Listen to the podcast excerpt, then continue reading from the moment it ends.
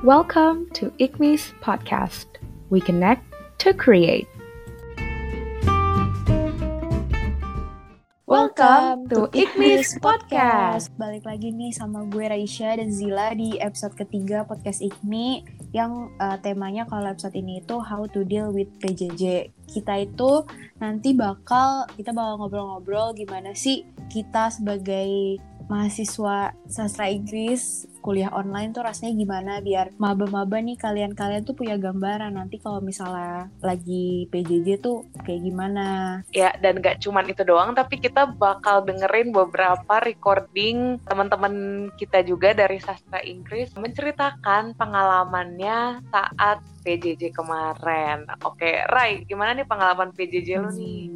Pengalaman PJJ gue, ya sejauh ini ah, kayak iya. nggak iya. kuliah uh, uh, ya kayak nggak kuliah ya dan uh, ini supaya ini gue nggak mau nyebut dosennya tapi kayak ada satu matkul dan uh, itu tuh dosennya tuh kayak nggak pernah nggak pernah nggak pernah ngasih link nggak pernah ngasih apa namanya ngasih penjelasan. Pokoknya kayak tiba-tiba kita waduh waduh. Kayak gue tahu gitu. deh nih siapa tapi nggak boleh sebut nama ya biar eh, iya ada lah. Oh, banyak. ya, sebut lah. Gue juga banyak banget kebadutan kebadutan yang gue alami selama PJ kayak gue hmm. pernah tuh lagi uh, zoom meeting sama dosen terus gue play mm -hmm. lagu di HP ngeplay suara di HP terus ternyata kedengeran ternyata lupa gue lupa gue mute dong. Malu banget sih asli. Tapi iya bener kata Resya kayak nggak kayak nggak berasa kuliah. Ada nih dosen kalau di Mm-hmm. yang uh, jadwal kelasnya tuh harusnya jam 11 siang tapi dia baru mulai kelas tuh jam uh. 8 malam loh Rai gila gak sih duh siapa itu ya duh dan yang uh, uh, dan yang paling pasti per kita berdua pernah pasti kayak ketiduran yeah. ya sih dan apalagi yang kalau ini Zil yang betul pagi. banget apalagi kelasnya jam Wah, itu gue ya, pasti, pasti kayak cuman ketiduran kalau nggak ketiduran pasti kayak nggak sempet siap-siap kayak bangun langsung buka laptop nggak ada tuh namanya mandi apa nggak ada nggak ada siap-siap karena rebahan aja di tempat tidur sakin gitu. Iya harus sih kayak bener-bener gak kuliah deh bener ya nyantai-nyantai ya? gimana? Ya udah gitu doang. Ya sih gitu. Dan ya pokoknya beda lah ya pengalaman sama PJJ gitu sama hmm. kalau ketemu kayak kita menemukan sifat-sifat baru dosen yang sebelumnya kita nggak pernah ini nggak pernah kita temukan kayak kayak kelas dia iya, tiba-tiba nggak diajar tiba-tiba tes uas gitu ya uh -uh. tapi untuk para mabanya jangan takut dengar cerita ini justru ini jadi pengalaman baru juga buat kalian dan pastinya kita sesama apa ya cutting dengan adik tingkat pasti akan saling bahu membantu untuk iya, benar. biar bisa uh, mengerti ini pelajarannya tentang apa ini lain -hmm. cara approach dosen kayak gimana supaya minta jadwal jadwal mengajar dan silabus segala macam pokoknya pasti antara adik adik tingkat dan kakak tingkat pasti akan saling bantu membantu iya nggak sih Ray? Eh, iya benar. Dan kalau misalnya lo dulu ingat kan sih waktu kita pertama kali kita tuh uh, pertama kali tuh kita gak ada kelas gak sih? Kita diliburin. Iya semester seminggu kalau nggak oh, salah. diliburin. Kenapa? Gara-gara apa deh pokoknya jadi mungkin buat kalian para maba mungkin akan diliburkan juga. Amin. kita nggak tahu ya. Adjust nge-adjust perhidupan kuliah gitu. Kayak diliburin dulu lah seminggu nih. Kita siap-siapin dulu nih materi-materinya iya nggak mm -hmm. berarti kita langsung dengerin ini aja ya Ray? Iya deh coba kita dengerin. Mantap. Nah yang buat pertama ini nih kita bakal dengerin uh, Nodas. Nodas itu adalah anak sasi angkatan 2019 itu angkatan curhatan gue sama Zila yang dia bilang nih dia tuh bilang kalau misalnya PJJ itu enak karena dia nggak perlu ke kampus dan hemat ongkos. Coba selengkapnya kita dengerin ya. Perkenalkan nama saya Nodas dari Sastra Inggris 2019. Selama pengalaman saya PJJ, untuk sukanya sih gimana ya jadi saya tuh nggak perlu ke kampus gitu kan. Jadi ya nggak perlu ongkos lah dan nggak perlu capek-capek gitu. Sementara untuk dukanya sih lebih ke nggak bisa ketemu temen sih. Kalau pengaruhnya PJJ ke kehidupan sosial juga ya itu sih tadi jadi nggak bisa ketemu temen secara face to face. Tapi kalau untuk dampaknya pada nilai uh, buat saya sih sepertinya kurang berdampak gitu ya kayak sama-sama aja. Terus kalau tips kuliah online menurut saya sih tipsnya mungkin belajar mandiri ya. Soalnya kan mungkin penyampaian materi dari dosen ke mahasiswa selama PJJ itu kurang maksimal dan butuh dielaborasi sendiri gitu. Jadi mungkin kita lah ya yang harus inisiatif untuk belajar mandiri gitu aja sih.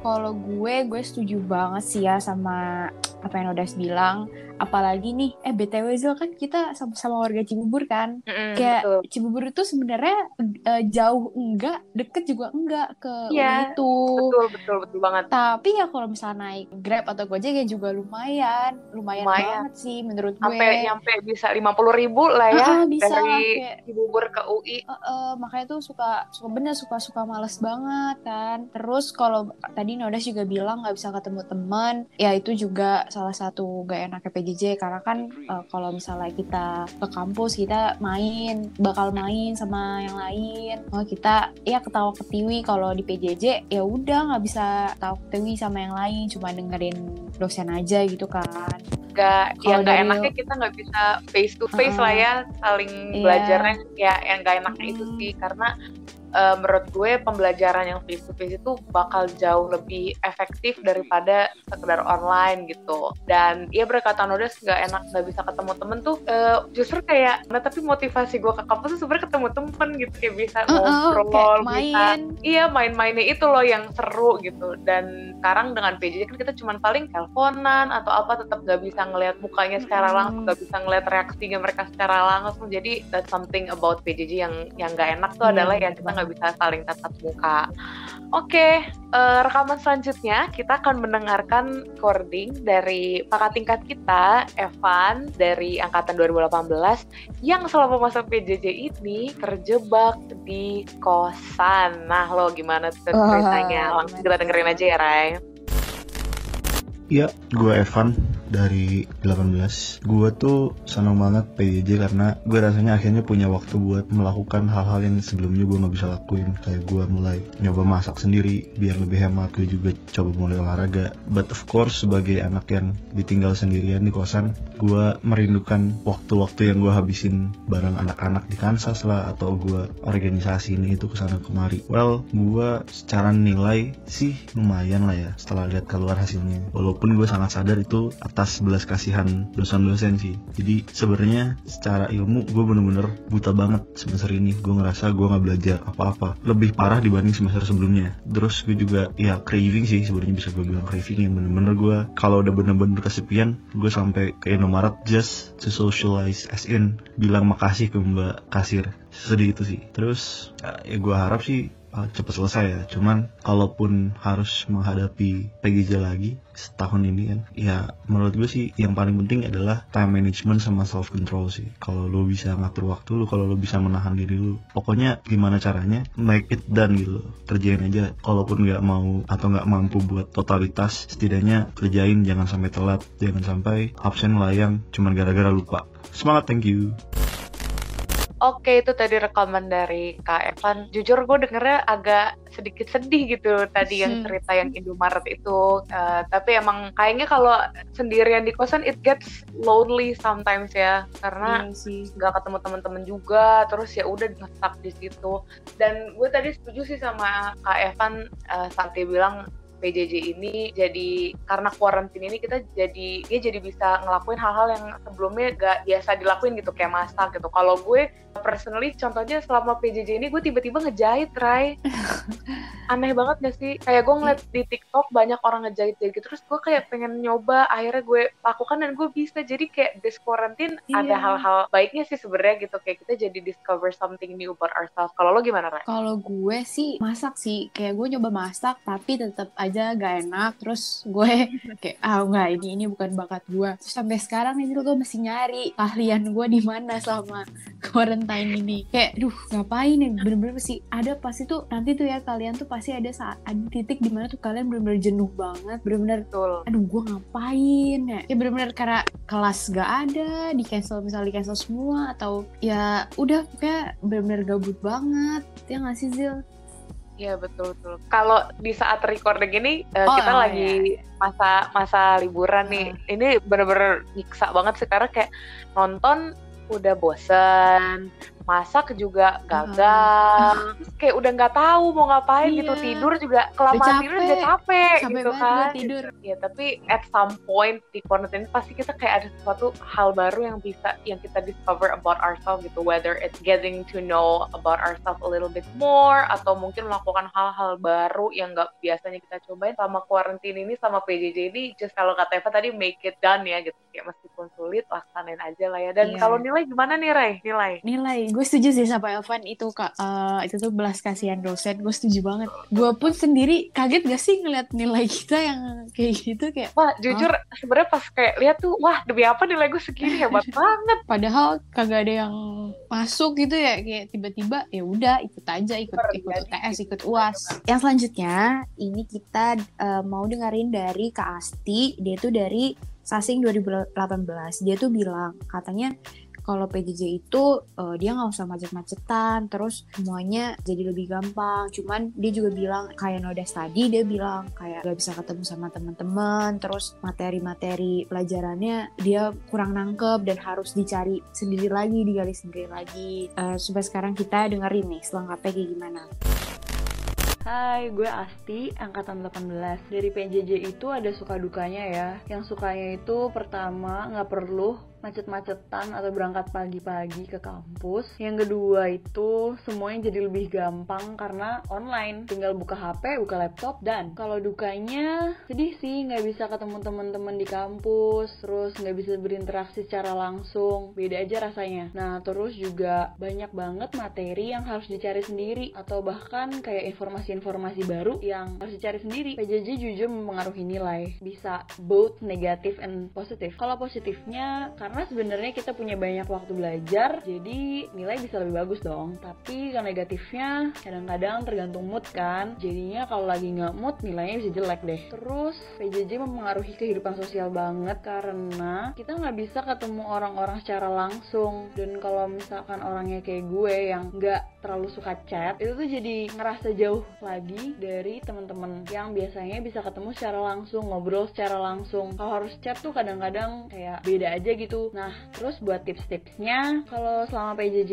itu yang pertama adalah harus banget ngatur jam tidur, entah sama atau lebih teratur justru dari waktu tatap muka. Terus kita harus selalu ngawalin pagi itu dengan mandi karena buat ngasih kode ke badan untuk mulai beraktivitas. Terus selama perkuliahan online, kan kita punya banyak waktu kan. Nah, itu bisa dengan mencari kesibukan baru di luar perkuliahan, antara cari kerjaan, magang, atau les bahasa atau keterampilan-keterampilan lain. Terus untuk menambah wawasan harus lebih rajin baca artikel atau berita-berita baru. Itu tipsnya. yang dibilang Kasti sih gue yang tips tips and triknya buat deal with PJJ itu uh, benar-benar berguna banget sih. Cuman tadi tuh yang Kasti omongin itu adalah menurut gue itu sisi baik ya sisi baik. Sedangkan yang gue lakukan selama ini adalah sisi buruknya. Tadi kan dia bilang uh, pagi-pagi udah mandi pagi udah mandi terus uh, melakukan keterampilan-keterampilan kalau gue tuh uh, melakukan yang sebaliknya. Sebaliknya sebaliknya. Ya gak sih kalau gue sih kayak gitu ya. Eh, kalau gue di tengah-tengah sih kadang misalkan hari ini gue tiba-tiba produktif, besoknya gue tiba-tiba males gitu. Tapi gue suka banget tips dari Kak Asti tadi cobain mandi sebelum mulai beraktivitas Iya. untuk kasih signal ke badan kita udah saatnya beraktivitas. Menurut gue tuh oke sih. Nanti deh ya semester ini gue coba deh ya. Kayaknya bakal berguna tuh supaya nggak males-malesan karena kayak kalau lagi belajar tapi masih pakai piyama kayak bawaannya tuh pengen nempel sama tempat tidur sih? Tapi kalau misalnya gue mandi pagi-pagi nih Zil, kayaknya badan gue nolak sinyal itu kayak udah gak usah, gak usah. Katanya udah gak usah sosokan, udah seadanya aja lu PJJ. Gitu. Apalagi Kayak tadi bener sih baru-baru ini tuh banyak ya alternatifnya kita nyari magang, nyari part time part time gitu atau enggak jualan biasanya. jualan tuh small Kemarin tuh business. jualan baik banget dari mulai Panan. kanan, baju, masker. Nah, banyak deh ya. Jadi berbisnis Hmm. gitu, cari Iya. cuan gitu di tengah-tengah pandemi ini. Iya, karena eh, lumayan juga ya nggak dapet cuan. Kita lumayan juga nggak menerima cuan selama beberapa bulan tuh. Wah, Nah, udah mau lima bulan nih, udah jalan lima bulan kan kita butuh sesuap nasi dan sebotol Masa? skincare gitu. Kita tetap butuh uang Belum- untuk belanja. belum lagi mainnya. Ah, Belum main mainnya. lagi kan. Emang pusing itu mikirin duit dari mana gue main ya main makan jadi emang uh, salah satu positif side-nya mungkin adalah kita harus cari kesibukan baru gitu. iya Karena di rumah terus, nggak bisa ngapa-ngapain, nggak bisa keluar, ya kita bawa kesibukan itu ke dalam rumah gitu. atau kalau misalnya kalian tetap gak nemu gitu kesibukan ya sok sibuk aja lah ya, Ya, kayak sok- sibuk aja udah Atau sibuk aja kayak nonton drakor gitu kan. Misalkan Mm-mm. ditanya, hari ini ngapain? Sibuk aja gue nonton drakor gitu ya kan. sibuk aja Oke, untuk recording selanjutnya kita akan dengerin dari Kameli dari Sastra Inggris 2017 yang balik ke Kalimantan dan struggling kalau internetnya tuh suka nggak stabil gitu. Langsung kita dengerin ya. Halo guys, kenalin aku Meli dari Sasing Angkatan 2017. Di sini aku mau sharing sedikit pengalaman aku soal PJJ di semester kemarin. Nah, kalau ngomongin suka dan dukanya PJJ, sukanya itu aku jadi bisa pulang ke rumah. Oh iya, rumahku di Kalimantan guys, jadi senang aja gitu vibes-nya rumah, tapi tetap bisa dapat pembelajaran kayak di kampus. Dukanya, kalau internet connection lagi nggak bagus, itu struggle banget buat ngikutin pelajaran atau ngerjain tugas. Sama kadang juga nggak sepenuhnya nangkep materi yang disampaikan karena interaksi yang terbatas tadi. Nah, jujur PJJ juga ngaruh banget ke nilai dan kehidupan sosial. Kalau untuk nilai, aku pernah punya pengalaman waktu itu final test yang waktunya cuma 30 menit. Itu chaos banget karena di menit-menit terakhir internetku tiba-tiba disconnect dan waktunya habis. Alhasil jawabanku kesapit sendiri dan jadinya nilainya kurang memuaskan. Itu untuk nilai. Kalau untuk ke kehidupan sosial juga paling interaksi sama temen itu seputar tugas doang.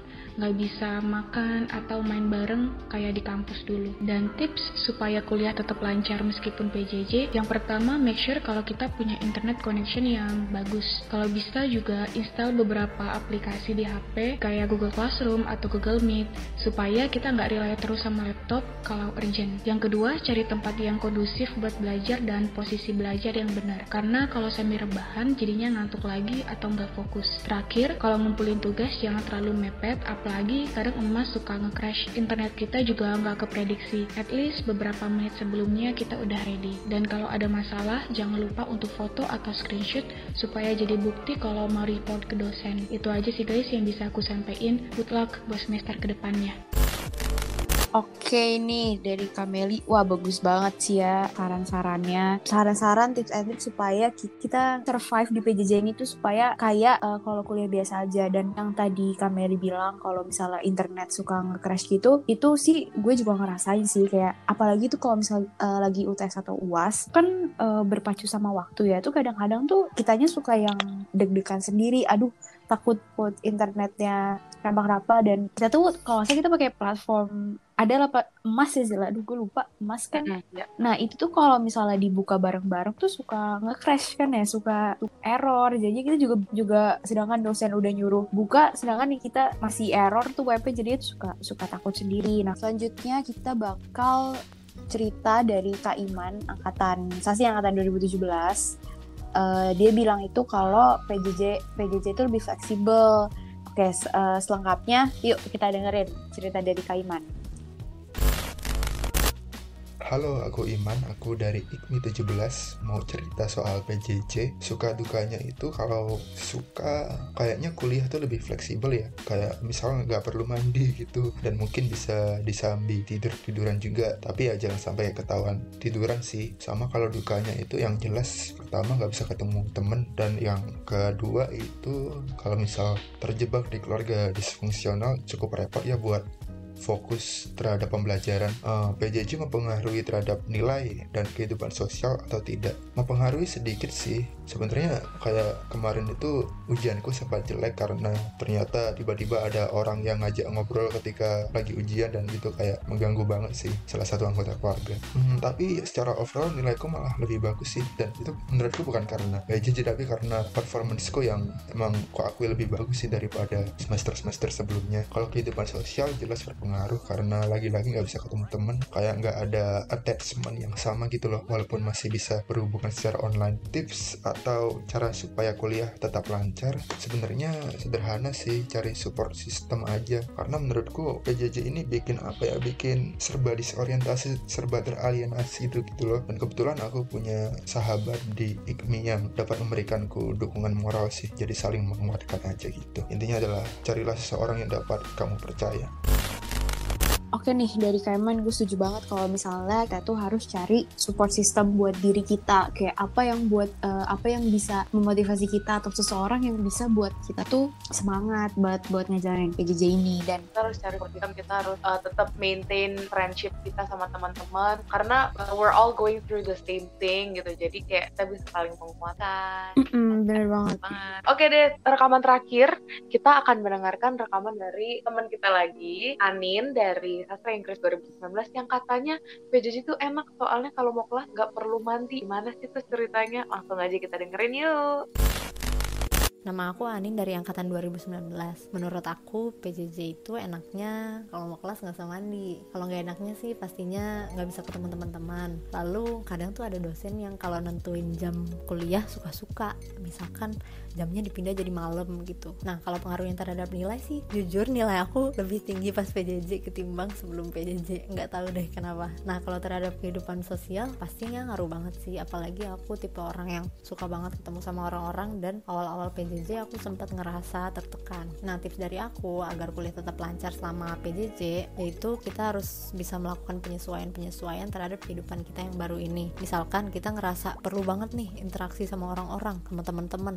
Lakukanlah interaksi yang kita bisa. Kalau hanya bisa lewat media sosial, kita bisa video call teman-teman kita, telepon atau sekedar chat aja. Kalau misalkan bisa ketemu, ketemulah sekali-sekali sama mereka. Nah, kalau misalkan keluhannya adalah bosen di rumah, jenuh, kegiatannya itu-itu aja kita bisa ciptakan kegiatan baru intinya menurut aku dalam keadaan kayak gini lakukanlah hal-hal yang bisa menjaga diri kita tetap waras kayak dari Anin. Gue pengen gue cuma bilang Anin adalah aku. Anin bilang tadi tuh gak usah mandi. Iya bener gak usah mandi. Dan uh, kadang-kadang gue juga kalau misal misalnya kayak kuliah gitu waktu zaman dulu gue ngekos gue juga kalau misal kelas pagi tuh suka agak mandi. Maaf banget ya tapi ini gue pengen cerita aja. Terus uh, tadi tuh Anin juga bilang um, kita nggak bisa ketemu sama temen-temen kayak biasanya. Ya sih dan itu menurut gue impact yang paling benar-benar kerasa banget sampai sekarang. Kayak seharusnya kita tuh kalau kalau lagi PJJ gue suka suka kayak suka kayak mikir gitu aduh seharusnya gue lagi di Kansas nih lagi nongkrong sama yang lain lagi lagi jalan-jalan ke fakultas lain. Kan kalau sekarang ya udah kita uh, di depan laptop atau HP aja dengerin pelajaran dari dosen. Terus uh, untuk untuk tipsnya dari Anin adalah melakukan hal-hal yang buat kita tetap waras. Itu gue juga setuju. Lakukan apa pun asal uh, hal apa pun itu positif dan bisa buat kita seneng dan gak gila dan kita tetap waras Betul. Jadi inti dari semua recording yang udah kita dengarkan itu PJJ is difficult karena nggak semaksimal biasanya, tapi we just have to keep doing it anyway. Kumpulan-kumpulan tips tadi kayak kita tetap harus stay produktif, cari support system, tetap belajar dengan giat meskipun harus belajar sendiri dan melakukan hal-hal yang bisa